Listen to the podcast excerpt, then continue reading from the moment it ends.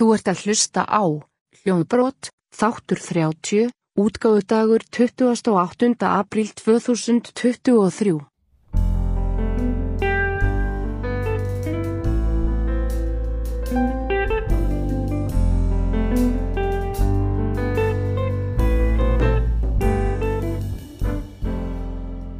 Já, góðan daginn kæru hlustendur og velkomin í Hljóðbrott. Með ykkur eru hérna Hlinur Þór Agnarsson, talandi frá Selfossi í þetta skipti. og Eithor Kampan Þrastarsson talandi frá Aþenu Þetta er að verða mjög víðfarinn þáttur. Já, það, er rétt Það er nú helst í fréttum frá mér persónlega. Ég er nýfluttur frá höfburgarsvæðinu á Selfoss. Það eru að verða sex dagar síðan núna. Já, og hérna, já, ég fréttið með það þessu að þú hefur ákveðið að yfirgefa höfuborgina og flytja þig á, á Selfoss Akkur er Selfoss linur? Sko, mér var farið að líða í bænum eins og það væru alltaf hundrað manns fyrir mér, allstaðar, sama hver ég var eða hvert ég var að fara. Og það er allt miklu rólegra hérna. Það er frábært. Krakkarnir eru að aðlagast ótrúlega vel. Alltaf mamma og pappi búa hérna bara í fimm mínúta göngufjarlægð frá og ef þú getur fundið fyrir mig hús af sambarilegri stærð á sambarilegu verði á höfbrukarsvæðinu þá skal ég alveg skoða það sko. Já, en hvernig hérna, hvernig, nú ert þú að vinna þá samt líka í bænum, ekki satt hvernig ætlar að díla við það sem uh, sjónskertur ókeirandi einstaklingur? Sko, ég er náttúrulega vinn mestmægnis að heiman sem er náttúrulega frábært en þarf náttúrulega að bregða mér öðru kóru til Reykjavíkur þá aðalega þá bara á fundi og ráðstöfnir og, og þess áttar þá er stræt og með að mér finnst frábæra landsbyða þjónustu bara svona yfir daginn er stræt og að ganga á svona klukkutíma til tveggja tíma fresti uh, frá Selfossi og stoppar síðan í mjóttinni það er bara, ég ætla bara að gefa stræt og bara risa hrós fyrir bara geggjaða þjónustu allavega hérðan Og ertu þá bara með sömu uh, þjónustu samt í Reykjavík eins og með hérna leigubílana og, og svoleiðis?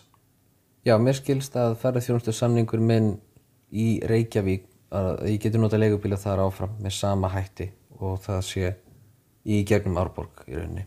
Þannig að og leigubíla þörfin mín verður eflust meiri í bænum heldur en beint hér. Ég sé ekkert endilega fyrir mér að þurfa að vera að taka eitthvað mjög marga leigubíla hérna innan self og sendilega. Nei, allir, allir geti þessi spurningum að hvort að við getum fengið þetta fært út fyrir landsteinana þannig að ég geti fengið bíla þegar ég kem í, til Íslands. Já, ferða þjónusta blindra í útrás. Já. Það er svolítið smá 2007 stimpill á því. Ég fylgir Ferða það. þjónusta útfluttra blindra Íslendinga. Já, þetta er bara mikilvægt hagsmunamál, finnst okkur, hérna í hljóðbroti. Algjörlega. Það þarf að taka á þessu. En ég vaknaði hins vegar upp í morgun það, og það hafði hvergi komið fram í kaupsamningnum um húsið. Það var sko örgulega 10-15 cm jafnfallin snjór þegar við stegum þetta fram í morgun. Búið að vera eða bara að rjóma blíða mest allan tíman. Þannig að bara, og gleðilegt sumar, bara öll sömul. Hvern, en hjá þér, hvernig er þetta, hvernig er staðin hjá þér? Uh, hún er bara svona 23 gráður og næs. Já, akkurat, einmitt. Búið að vera svolítið kallt hérna núna upp á síkastið, farið, farið niður fyrir 15 stig sko. Já, æj, æj, æj. En voru ekki nýlega páskar hjá ykkur? Jú, það eru, sagt, við erum nýkomin eh, sagt, frá Sækinþós þaðan sem að kona mín er frá, eigin, eigin sem að hún er frá og þar voru við að halda upp á sagt, orthodox páskana, rétt trúnaðar, grísku rétt trúnaðar páskana og þeir eru miklu skemmtilegri svona sem sko hátíð heldur en uh, páskarnir á Íslandi. Uh, allavega svona í, í mínum uppvexti þá ganga páskarnir á Íslandi út á það að borða páskaegg á sunnudöfum og einhverja svona smá veislu máltíð svo getur eiginlega bara gert það sem þú vilt sem er reyndar alveg rosa fínt frí, ég held að páskafríði sé uppáhalds frí margra allavega á Íslandi Já, það er svona vel tímabært sko. En hvernig, hver er þá munurinn? Hvað, hvað er svona frábært við réttrúnaðar páskana? Hér eru páskarnir miklu meiri svona hátíð, svona kannski svipað eins og jólin eru hjá okkur. Við erum oft með svona mikla venjur um jólin og margir fari í kirkju, jafnvel nokkru sinnum og, og, og hérna í miðnætturmessur og, og, svoleiðis. Og það er svolítið um páskana hér en minna um jólin. Jólin er eiginlega bara svona tveir dagar uh, og það er borðað sama með fjölskyldinu og, hérna og það gama svo sem líka en páskarnir eru miklu uh, svona maður hefur á tilfinningunni að hátíðin sé stærri það er svona miklu meiri mystík yfir þeim einhvern veginn svona um, smá svona döluð þegar maður má kannski orða það þannig. Það er til dæmis uh, og, og páskarnir eru svona svolítið leiknir uh, eftir það, það sem gerðist um páskana það er til dæmis á förstu deginum langa á förstu degin langa þá er það sem er kallað epitafios eða sérsagt í rauninni líkfyllt Jésu Krists og hún fer fram sagt, í þorpunum hérna í Greiklandi bara um miðnætti. Og þá sagt, er messa sem byrja kannski jafnvel 12 á, á miðnætti og svo farið út og gengið með sagt, lík kistu uh, og gengið með hana um þorpið þorpin. Í sérstaklega virðingu við uh, krossfestinguna. Og þetta er svolítið svona öflug uh, öflug stund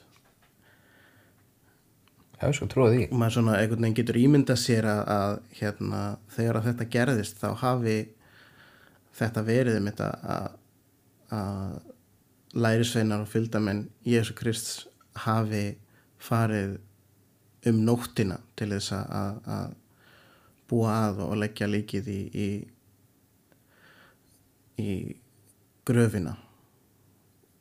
Og svona jafnvel bara til þess að forðast, forðast rómverjana sko og svo segðs þetta á laugataskvöldinu þá er það sem við kalla Anastasi eða sérst upprissan sem er líka á miðnætti. Og þá fara allir í, í kirkjuna svona 11 og þá er mikil gleði að þá náttúrulega rís Kristur upp og þá er sagt, kallað upp 12 minnætti Kristus Anesti eða Kristur er upprisinn og bara fyllt af flugöldum og þeim er bara þeim er bara kastað sko út um allt. Við vorum hálf hrætt sko með, með barnið okkar hérna þarna núna sagt, í, í umpáskana núna um að, að það myndi vera svo mikið af flugöldum en það var endar ekkit rosalega mikið.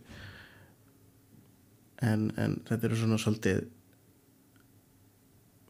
einhvern veginn meiri meiri tengsl við uh, uh, trúabröðin heldur en að að mér finnst allavega vera í, í íslenskum kirkjum þar sem að, að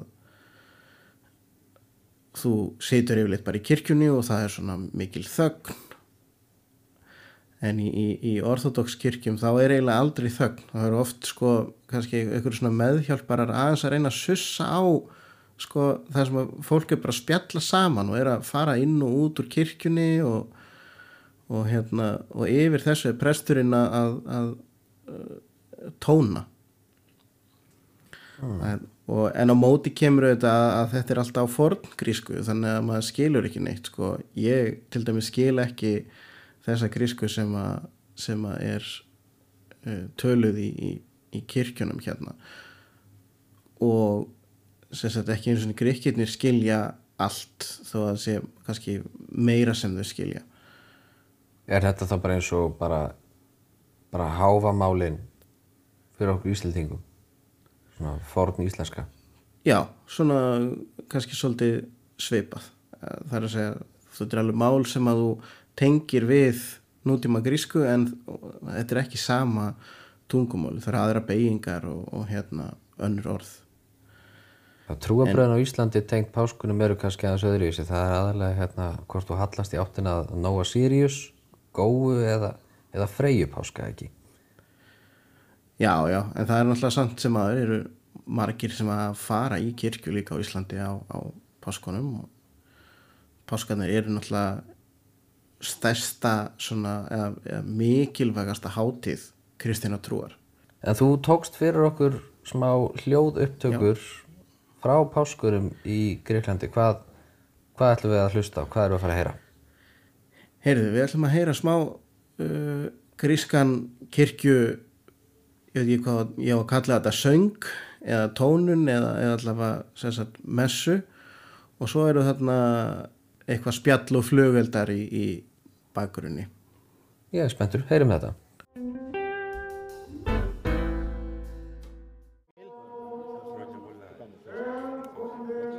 Komin hérna út fyrir kirkjuna og klukkan er að verða miðnætti og það verður hérna kallað háumrómi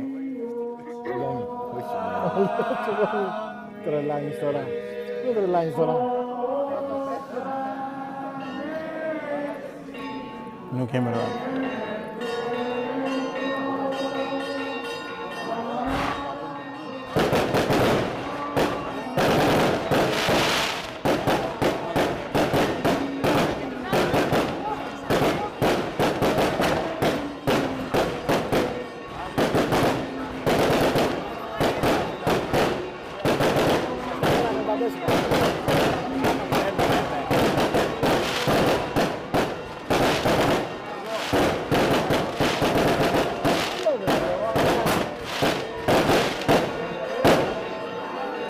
farið að skjóta flugveldum. Alithos, Alithos, Alithos. Kristos Anesti. Kristos Anesti, Eithor. Kristos Anesti. Kristur er upprisinn þýðir það.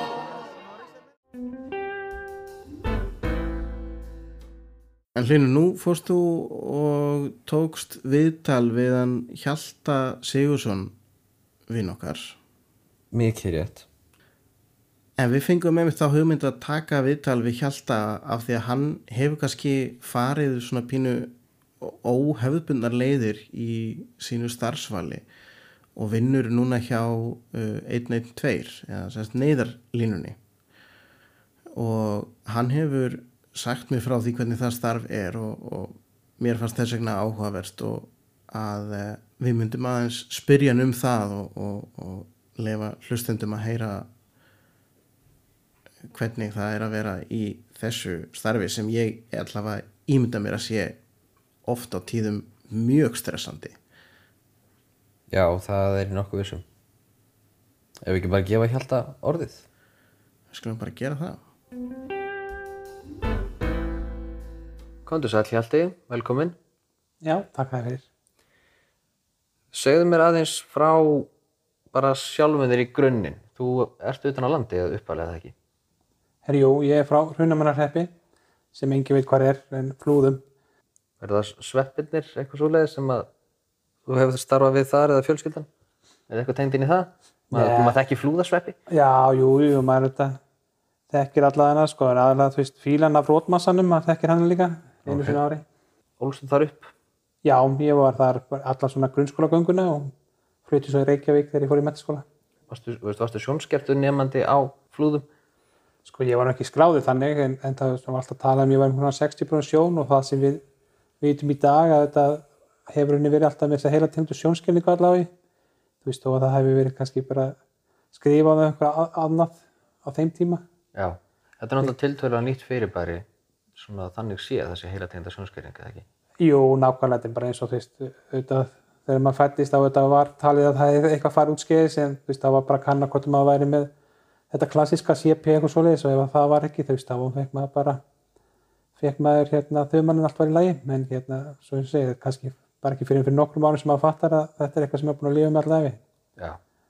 En maður alltaf veit ekki á því og þá spáði maður ekki í því. Nei, nákvæmlega og, og svo er þetta svo sem kannski fóðum þá er þetta þá þannig klassist að maður verður fyrir að maður eins og segi, tekur ekkert endilega eftir þessu fyrir en fyrir það fer svona þingjast þú veist, maður þarf auðvitað að fara að lesa að það gengur illa og þú veist, sjá hérna smáatriði og, og svo eins og hjá öllum öðrum þá þetta breytir sjónin þegar maður er á úlingsaldri Þegar við kynntumst fyrst, það voru vísu mjög svona óvinnilegar aðstæður, mjög mikið stress á Kastrup flugvelli, hvort það verið 2004 eða 5 Já, þegar að þið fluguð út, við fórum til Tyrklands. Einmitt og hvað þið fluguð út einum og undan, ég kom síðan og hitt ykkur, Já, það er alltaf verið svo mikið að gera hjá þér það? Er alltaf brjálega að gera sko, en við erum að ræða þig, að það er nokkið minna að gera þar á þeim bænum, en ég man eftir að þá hérna sá ég að þú ert, þú ert svona svolítið fættur, fættur leiðtói, tekur þér yfirleitt svona fóristu hlutverk í svona verkefnum sem að þú svona lendir í, jafnvel, eða, kemur þér í. Jú, ætlum ég ekki að segja það, maður er alltaf að finnur sér alltaf einhvern veginn hefur svo mikla skoðanir á hlutunum að við alltaf hafa einhver áhrif, eða þú veist, já, hérna koma hlutunum á réttan kjöl. Já, sem er náttúrulega það, það þarf einhver að gera það. Þú bjóst Erlendis, eða ekki? Já, ég bjó í Finnlandi, ég meira á minna í tíu ár, kom heim með eins í viltíðinni. Komst heim með eina frú? Já, það hérna, varum ekki alltaf að reyna að fjölga þjóðinni. Jú, jú, jú, jú. Og þið hafið, þið hafið verið duglega við það síðan. Og hvað varst að gera út í Finnlandi? Fórst út í nám eða að starfa? Já, ég fór uppálega að læra píanastillingar. Man ætlaði að fara þessa hefbutu leið og svo sem búið að vera að hvetja hann leifur. Hérna, píanastillir var alltaf að reyna hvetja mig að fara út í Boston í nám. En ég vildi alltaf gera hlutina þessu öðru sig, en ég verði bara að fara til Finnlands. Og lærði það þarna í 1-2 ár.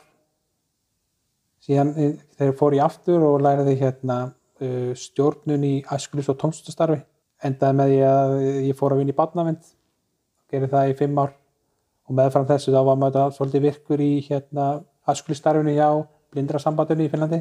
Já. Hva, hvað var það við Finnland sem að heitlaði sérstaklega? Sko ég þetta hafi kynskonu minni, ég var sumur þetta eftir hana, það verður bara, maður verður að hreinskilja með það. Já, já. En þeir, þeir eru svona skemmtilega öðru í sig. Ég hef alltaf, ekki, það fóru allir að læra eitthvað í Danmörku eða, eða einmitt Breitlandi í bandarækjunum. Ég var að gera eitthvað annað og Finnlandir eru líka aðeins öðru í sig. En það er samt sko á svona norrænum grundvelli þá, þá hefur maður oft séð að að það eru finnarnir og Íslandingarnir sem að hópast oft saman. Já, það er þetta stundum er að tungumálið sumar aðra þjóðir hérna, vilja bara tala sín, sín sitt mál um, það er eitt, ég held að þetta húmórin er svolítið svona svartur og svipaður og einhvern veginn svona þjóðasálin hafa þurft að gangi gegnum erfiða tíma gegnum aldinnar þannig að þetta er svona mjög mjög samiðilegt Já, ég, ég tengi alveg við þetta. Ég man eftir því þegar maður var að fara í hérna svona norrænar sumarbúðir að, að svona flestir af þeim sem maður hugsa tilbaka og þegar maður man eftir einstaklingum þá voru það flestir, flest, í flestum tilfellum finnarnir. Þú starfar í dag hjá neyðarlínunni, ennið tveir. Hvað ertu svona þitt starfsheiti eða starfstitill eða ábyrðasvið þar? Herru, ég er neyðarvörður samt með svona aðeins viðbótar hérna reynslu og þjálfum þannig ég get líka tekið fjarskiptin Og hvað felur það í sér að vera neyðarvörður? það getur falið svo sem ímislegt í sér þau flesta vaktirna þá sittum maður á borðina sem er- svarar í síman tekur á móti skilabóðum í gegnum netspjall eða SMS sem eru þá eiga að vera neyða símtöl en eru svo sem á öllum skalanum síðan getur maður mætt á vakt og setið öðru borði og þá er maður að tala við sjúkrabílana, viðbrasaðila byggunarsveitinnar, hérna láta þau vita hvað þau eru að fara út í Og, og hvað kom til að, að þú endaðir þarna? Sko við þetta fluttum heim uh, hvað 2018 og ég var þetta búin að vera að vinna í barnavendinni og, og hafði bara svona svolítið þar, búin að fá okkurna reynslu að vinna í erfiðum aðstæðum, þannig að maður vildi nýta þá reynslu. Ok, í þínu starfi, þar sem þú ert að vinna þá í gegnum síma en þá líka í gegnum tölvu, Já, uh, finnur eitthvað að, að sjónskerðingin hefur veist, áhrif á það hvernig þú vinnur? já, klálega. Bara eitt dæmi þá þurfum við að nota kort mjög mikið og maður sér þetta þeir sem eru sjáandi þeir eru þetta bara stara á kortið og reyna að finna þess að leita að með að ég nota miklu meiri svona tæki til þess að leitina veist, með eitthvað örnefni þá bara setja í leitina þá er, er rauninni búið að svona hælæta á kortinu það sem á við Já. og alls konar svona tæki til þess að gera þetta bara auðveldara. Svo, svo þetta er hérna í ferðlanum sem notum þá þá kannski ef maður er meira búin að temja sér að reyna bara að læra aðeins utan af spurningarnar. Og atriðin og, og, og síðan þegar maður er að lesa í sjúkrabíluna þá, þá er maður stundum að gera einhver mistök, þú veist, Guðrún verður Guðjón eða svona stíkt sem, sem við í CVI erum svona svolítið dögleg stundum að lesa þess vitlis út úr Atriðinum. En er, er þetta stór, stór hópur sem þú varst að vinna með? Þá er ég að tala um alla viðbrasaðalana eða eru menn farin að vita af þér? Þetta er hjalti og vita einhverjir af sjónskerringunni eða eitthvað þess áttar? Sko, ég er veit- kultúrin svo misjátt milli, milli svona fyrir? Já, sko ég, ég viðbrasalum það held ég að flestir fæstir vitið það sko. Það, er svo sem maður er bara að tala við gegnum gegnum þessa talstöð, þú veist, ég gerir kannski svona mistök en, en ég, það er held ég alveg klart maður, ég er ekkert að gera meiri mistök en aðrir. Nei, nei, svo bara aðrir sem gera bara önnur? Já, en þú veist, það, það sem að það kannski líka hefur hefur áhrif á eins og þegar maður er í þessum fjarskipta hlutverki er að maður þarf bara miklu meira að vera alltaf með pötunum púlsi, maður þarf alltaf að vera að skoða listan, hvað er að gerast þannig að til og með segjum það að 101 í Keflavík sjúkrabílinn er að kalla sig út þá er ég búinn að lesa málið tilbúin í það meðan aðrir sem hérna, eiga auðvöldara með að sjá þeir hérna geta kannski bara verið að aðeins að skrolla á TikTok og, og svo resi við og lesi málið þegar það er kallað inn sko. Já, já, ok, ok. En þú bara vinnur þetta bara öðruvísi. En svo, eins og maður þekkir henni bara sjálfur, bara úr sinni bara skólagöngum, maður þurfti að Já. beita öðruvísi aðferðum heldur en aðrir fullsjáandi nefnendur til að ná nákvæmlega, sama árangri. bara akkur það sama sko. Og, og er eitthvað hjálpatæki sem þú notar í vinnunni, eitthvað eða... Sko við erum bara verið að nota hérna það sem er í Windows-kerfinu, Zoom. Mhm. En það var nú, þetta er svona þungar tölfur út með 34 skjái og tölvurnar eru ekki uppfærað alltaf þannig að það var nú einn tölva sem var alltaf að hrinja þegar maður gerði það þannig að það gekk ekki lengi. En svo hérna fekk ég bara hjá, hjá sjónstöðinni sérstök gleru sem er með mikill stækkun. Þannig að henni bara gengum með hérna 10-12 sinnum stækkunaglir. Ok, ok. Og já, ég get að límynda mér að það sé, getur verið notæft.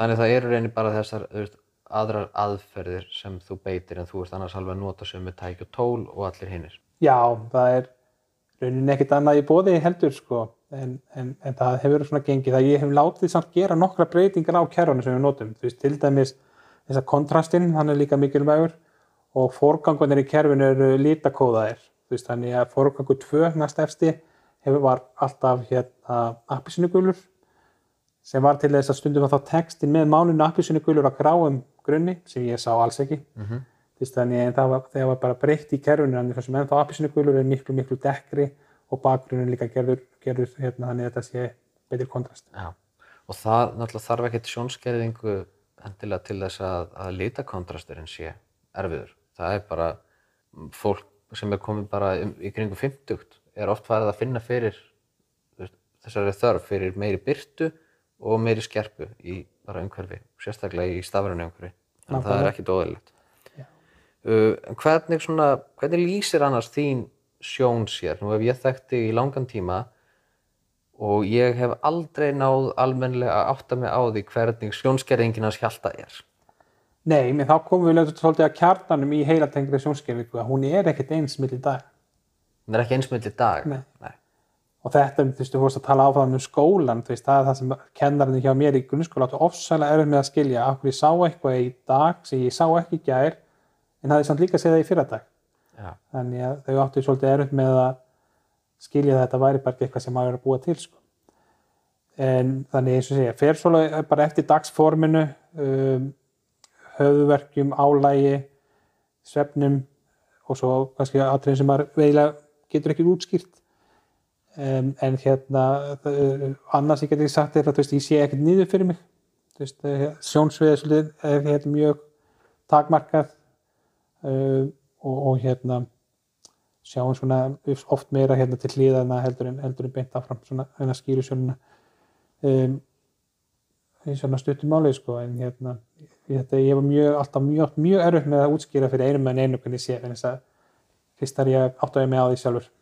Já, ég, ég tók mér langan tíma bara sjálfur að reyna að útskýra fyrir fólki hvernig ég sé og, og endanum eiginlega bara komst ég að því svari sko er, er ekki bara fólk að útskýra fyrir mig hvernig það sæ Já, ég, þá fór það bara sjálft að að hvernig útskýri maður hvernig maður sér það, nei, nákvæmlega, ég er ekkert vorulega hrifin að þessari spurningu þannig, ég skil hana, þú veist, og ég svara henni alltaf, það er ekki málið, en, en ég veit ekki, ég hef aldrei lagt það í vanum minn að spura henni annan hvernig það sér. Það er oft góð pæling sko, þú veist, mér er sagt að ég sjáu 10-30% eftir aðstæðum Mm. en ég að útskýra það hvernig það er að sjá 10-30% hafandi aldrei séð 100% það er svona, það er jafn erfitt fyrir mig að ímynda mér hvernig ég er að sjá 100% og fyrir aðila með 100% sjón að ímynda sig hvernig ég er að hafa 10% Já, nákvæmlega.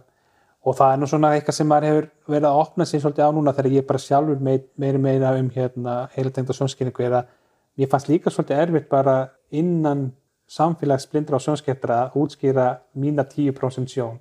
En hún er öðruvísi þegar þetta er svona heilatengt heldur en, heldur en svona hjá flestum öðrum upp á það að ég kannski er einmitt í vinnun að gera hluti sem flestir aðri með 5-10% sjón getur ekki gert. Þannig að þetta þessi sko vitundavakningu um heilatengda sjónskynningu, allt sem hún Dagbjörn Andresdóttir að gera hefur gert mér mjög mikið að ég hef bara fengið að vera svona samtíkja sjálf mig, maður var kannski í ákveðnum felum alltaf að reyna að út eins og maður væri venjulega sjónskiptur en þess að maður fór bara annars að einhvern veginn að sér ekki um sjálfa sig en þess að, að maður passar ekki í þetta mót sko. Sem- Já, hún Dagbjörst er búin að standa sig mjög vel í að opna umræðana um, um heilatengda sjónskeringu og bara almenna vitund um hana.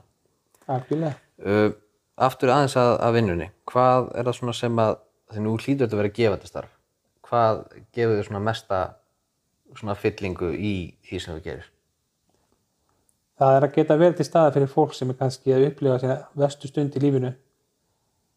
Verið þannig til þess að hjálpa þeirra á þeirra að halda og finnst maður kannski svona skipta máli.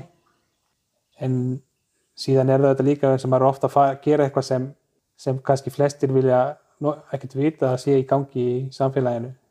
Við erum svolítið duglega að vilja bara einbyrðið okkur af einhver öðru en, en döðanum og, og hérna því sem aðrir er að gangi í gegnum Virkilega gefandi starf en hlýtur að vera krefjandi einnig.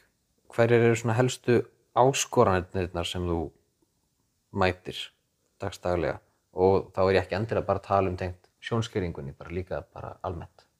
það sem er svona erfiðast er þetta allt sem tengist börnum það er, tala allir um sem vinna, vinna við þetta annað er auðvitað bara eins og fyrst öllum er fyrst auðvitað sjálfsvík og, og allt sem kemur svona að, að hérna skyndilegu andláti fólk getur auðvitað tekið svolítið á svo auðvitað er þetta ekki teldur gaman þegar fólk er kannski að ringja og ausa yfir okkur fyrir eitthvað sem þeir telja stjórnvöld eða laurugla hafa gert sér sem er rétt eða ekki en, hérna, en, en við erum þau sem þurfum að taka þetta á okkur sko. Já, þið eruð framlínan. Já, við, erum, við segjum alltaf að við séum fyrsta, fyrsta viðbræði Já, já. en hérna, þannig að maður, já, það er svona í fremstu viljunni í þessum og það til mig, þú veist, talaði til mig um hérna, aðra viðbræðsæla, laurugla og sjúkraflutningar, slökkvilið björgunarsveitir, þau hafa ákveðin tíma þau á leiðin á staðin þau vita hvað þau fara út í, geta svona sett sér smá í, hérna, í stellingar fyrir það meðan við kannski erum bara í einhverju góðu spjalli eins og við hér sko. Og svo ringir maður sér einni, tveir og maður hefur bara öskur. Stórt rútuslis, þú ert bara komin í 1-0, 1 þarf bara að breyðast við. Þannig að þú þarfst að geta hoppað úr einum gýr í annan bara undir eins. nákvæmlega Það, það, þetta hljómar mjög, eins og ég, spennandi, krefjandi og gefandi. Þetta, þetta er svona rockstjörnu dæmi, hálfparti. En, en margir blindur og sjónskettir tala um og lenda í miklum erfileikum við að atvinnuleit. Þú virðist ekki hins vegar hafa átt í neinum sérstökum vandræðum við það. Nei, ég hef það svo sem ekki. En, en það kannski kemur svolítið úr að tala um það að ég væri svona fyrir svolítið fyrir mér sko. Að oft, oft hefur það enda þannig að maður kannski kynst einhverjum fólki eða, eða aðstæðum og, og svo enda kannski bara að vera bóðið eitthvað starf en þess að fólk sér það kannski það geti bara treysti að ég sjáu bara um að hlutinni gerist. Þannig það er allavega nokkuð stöð sem ég bara fengi þannig að stundum líður stundum sem ég hef búið til þörfina sjálfur með því að ganga fram vakslega í einhverju og, og horfa að já það þarf vist að redda þessu, herri gerur þú það ekki bara Já, já, það stundur það bara að benda á vandamál sem þarf að leysa og hver annar á að leysa þau. Já, nákvæmlega. Er eitthvað svona kvartningarorð eða eitthvað svona tips sem að þú getur gefið til dæmis bara einhverjum ungum blindum eða sjónskertum og leiðin út í lífið, svona eitthvað leikill í bara kannski starfsvali eða starfsleit eða eitthvað svona sem að þú ert búin að læra sjálfur og myndir óska þess og þú hefðir vita fyrir 10-15 ára síðan. Góð, mjög ansi góð spurning. Ég veit ekki hvort ég hafi rétt að svara þetta. Þetta er líka mjög personu bundið hvernig, hvað það er sem fólk þarf kannski að hafa í huga. Ég held bara að við þurfum bara að hafa svolítið trúa sjálfum okkur. Það er, ein- hérna, við höfum fullt að gefa til samfélagsins og, og hérna, ég held stundum og þú veist, ég er alveg hérna, það líka að stundum draugur svolítið úr sjálfum okkur líka. Þó að ég tala núna hvað er gaman í vinnunni hjá mér og allt það. Þú veist, fyrst talaði ég voru lítið um sjónskeringunum en þess að ég var svolítið fættu við vantraustið og, og veist, ég hef alveg lent í samt slæmum hlutum í vinnun þar sem ég hef fundist að sjónskeringu veldi því að fólk treysti mér ekki. Að, hérna, þó ég hafi nám og, og hérna reynslu til þess að sinna þessu bara ansi vel. Svo líka kannski allavega það sem komið ávart að hérna, að það er stundum alveg prús að geta líka verið bara svo hreinskiljum hvað við erum ekki góði. Hérna, ég fór vesta nokk, hérna viðtal sem ég fór í nokkuð tíma að farið í, þá var ég búin að vera nætuvætt í barnavend mætti hérna klukka nýju atvinnum viðtal hérna hjá fræðslustjóra í Lítli Borg og sækjum að afleysingu sem frístundastjóri sem ég var bara mjög spenntur fyrir að fá svona, svona aðeins svona starra gig. Og bara svo sem gekk allt í lagi svo voru það eitthvað hvort ég hefði reynslu að vinna með skólastjórum sem ég hef gert þegar ég stýtti félagsmyndstöðin á Íslandi. Og ég er eitthvað já, já, jú, ég hef það reynslu og fór eitthvað í það og svo smást þögn og svo segi en ég aðalega hef ég bara mjög slæma reynslu að vinna með skólastjórum sem kannski helgast því að nú stundum sem na, skólasamfélagið hérna, kann ekki alveg að meta okkur tómstundafulltrúana sko. já, en svo fekk ég þessa vinnu þannig að Ég, ég er nokkuð vissum að þetta hafi verið svari sem na, þess að það, fólk sá það að maður hérna, bara svona hreinskilin með það. Ekki alltaf, ekki alltaf að vera eitthvað svona reyna að vera off shiny nei, og þetta gæti ég alveg trú að hafandi tekið fólki atvinnu viðtöl áður að þetta gæti trú að þetta hefði verið mögulega svarið sem að svona setti þig aðeins í annan stað heldur en alla hina sem að fór í viðtal. einmitt. Maður bara vera svolítið samkvæmur sjálfur sér. Svo, svo sá ég endar ástæðan fyrir þetta held ég, fyrsta, fyrsta svona stóra fræðslu nefndafundinum þar sem voru allir skólastjórnir og, og veist, við sem stýrðum barna starfið nautaskóla líka það var öskrað á mig sko en ég, ég sá strax að það er eitthvað ástæðan fyrir þessu Já, já, já. En já, mér finnst athyglisvert og hérna, hvernig hún nefnir að, að mynda, við þurfum að þekkja takmörk okkar. Það er, það er mjög verðmætt þegar að því að við höfum öll takmörk, sjónskert, blind eða ekki. Og getum við ekki bara litið á það sem bara, bara daldinn bara stóran kost að maður viti hvar manns hæfileiki liggur og hvar hann er takmarkaður að því að nú höfum við bara ákveðið mikið magna orku á hverjum einasta degi. Við, bara, við göngum alltaf á orkuna okkar. Mm Í staðan fyrir að vera að eyða orku mikilli í eitthvað kannski sem að veri einfalt mál fyrir annan að gera og við vitum að okkar styrkleiki liggur ekki þar. Er ekki svolítið líka leikillin að bara vera búin að kortleggja okkur sjálf og vita hvar, hvað eru við geggjunni? Jú, og maður var útfærið það er nú svona mantra sem er mikið tönn okkur núna í svona fire til dæmis núna, þú veist, hérna, þessari hérna, hugmyndafræði er að reyna að safna peningum til að hérna, fara fyrir á eftirlaun. Það er oft talað um að, að þú fyndu vinnu sem er skemmtileg. Og ég held að sem ég er alveg útfærið fyrir okkur að, find, að, fyrir okkur að fyndu eitthvað sem þú, sem þú getur gert, þú veist, hérna, hérna, sko vinna þess að sumir um að segja þú veist, nú jú, ég vinna á neðrinu og, og voða töff skilur en, en maður hugsa á hvað ég er þar en þess að ég get ekki keitt sjúkrabíl, ég get ekki keitt laurugubíl, þú veist, þannig ég get ekki farið í þau störf en, en ég er búin að finna minn, mína hillu innan þess að geira þarna, sko. þannig, að, þannig að þó þú getur ekki gert eitthvað ákveðið, þá er þýðir það ekki að einhver ákveðin hérna, eða, þú veist, ákveðin hérna, starfs hérna, umhverfið sé alveg loku fyrir heldur bara finna þína réttu hillu sko. Finna svona hvar, hvar er þörfin og hvar eru hæfileikarnir og, og bara svona sækja sér kannski bara líka ráðgjöf eins og náttúrulega er kannski alltaf að nefna það líka það er náttúrulega í bóði hjá sjónstöðinni að fara og hitta starfs- og námsráðgjafa Já, ég mæli alltaf með því. Það, það er bara oft hjálpar okkur líka þau stað, stundum bara að fara ekki um hlutin að segja það upphátt og eitthvað svona og kortleggja hvert staðan er og, og, og, og fá aðeins aðstóð í þessu. En ég er bara að vona að allir nýti sér það sem, sem hérna er að hugsa um að finna sér starf. en, en hérna, en þú veist, samt við vorum að tala um veikleikana og eða þú veist, hvað við stöndum hérna, kannski ekki nógu stert, að við þurfum samt að passa að láta það ekki skilgrinn okkur, við þurfum að þekkja það við þurfum að samþykja það og, en, en hérna, að við séum að skilgrinn það og þeir sé ekki að skilgrinn okkur Já.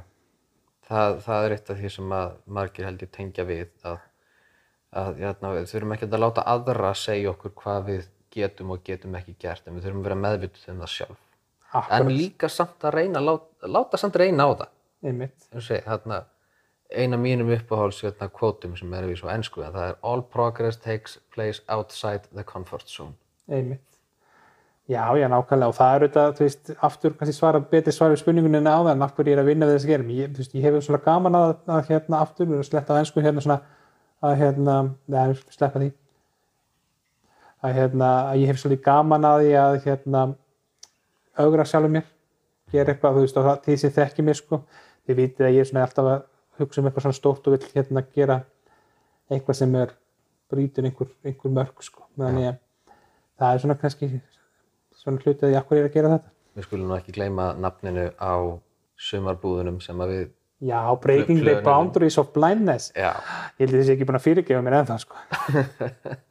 það, það voru ungir, já, ungt stórhuga fólk sem að, sem að stóða þeirri skipulækningu. Hvaða ár var það? 2006 Það var 2006. Já, ég man, við vorum að skipulækja það, alveg á fullu Já, og svo var alveg að koma að því að halda það og þá bara fórstu já til Finnlands. þetta er það besta sem ég gert fyrir ykkur þegar að, ég held til dæmis og þú ég held að pældi því hvað það fekk mikla reynslu úr því Já, þú varst ekkert að, að henda okkur í dýpri endar á sundlöginni, sko, þú varst að henda okkur fram á Látrabjargi. Já, ég, það var bara En eins mér lifði það af. Ég vissi að þau myndu gætu þetta og hérna vissi að þetta hefði gott að þessu Kæra það ekki fyrir þetta, Hjalti. Er eitthvað sem að þú vilt bæta við? Já, takk fyrir að bjóða mér, sko, þetta er bara gaman að fá aðeins að spjalla, sko, en hérna, ég veit ekki hvað svo góð svörin er, en þú getur bara, ef einhver vil vita meira, þá veit ég hvað ég er. Já, já. Ekki hringja samt í einni, tvo ef þið viljið ná sambandi við Hjalta. Við förum aðrar leiðir kannski. Já, já, en það er samt ekki láta það heika eða þið þurfið einhver aðstof að heyra, heyra í okkur í einnig tveir, sko. Það er Nei, nei. hérna, það, við erum hérna fyrir alla, sko. Segir Hjalti Sigursson, kæra þakki fyrir spjalli Hjalti. Já, einstaklega gaman að hitta og ræða við hann Hjalta. Mér finnst það, það stór merkileg karakter. Ég er bara að verða að segja það eins og er.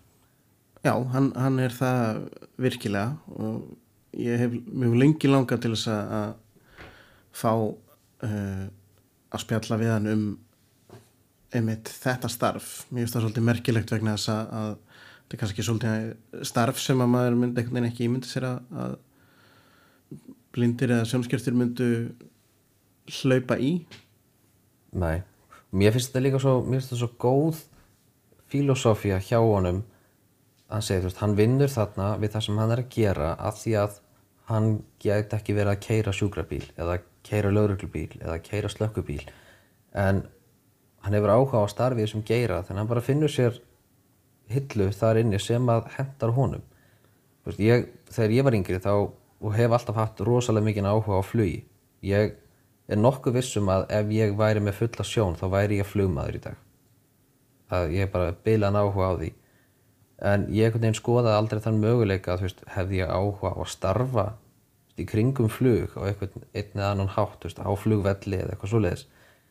Það einhvern veginn kvartlaði aldrei að mér þannig að mér finnst þetta mjög góð mjög svona góð pæling hjá hann og náttúrulega skiptir miklu máli bara fyrir þá sem er að fara að velja sér starf mín meðmæli eru í guðana bænum reyna að finna eitthvað sem ykkur finnst skemmtilegt að gera af því að þið eruð að fara að eyða cirka bát einum þriðja til einum fjóruða kannski af, af hverjum virkum sólarring við að gera þetta þannig að það er eins gott að hafa það gaman Akkurat. en þá er þátturinn temtur hjá okkur í dag Já. næsti þáttur verður með þetta óhefbundu sniði Já, við ætlum að taka foreldra hlutverkið sem blindur eða sjónskirtur einstaklingur fyrir og eh, sem sagt ætlum að vera með opin viðburð uh, rafrænt þar sem að sem sagt, hver sem er uh, getur komið og hlustað á, á live og, og komið með spurningar. Og allar frekar upplýsingar um það hvenar þetta verður haldið og hvernig þið getið tengst munum koma í fréttabrifinu annarkort í þessari eða næstu viku þannig að verið vakandi fyrir því Og að því sögðu þá viljum við þakka kærlega fyrir áherðina í dag og vonumst til að sem flesti láti sjá sig á, á foreldrafund hljóðbrots. Já, takk í dag og verið í sæl. Kæra þakkir.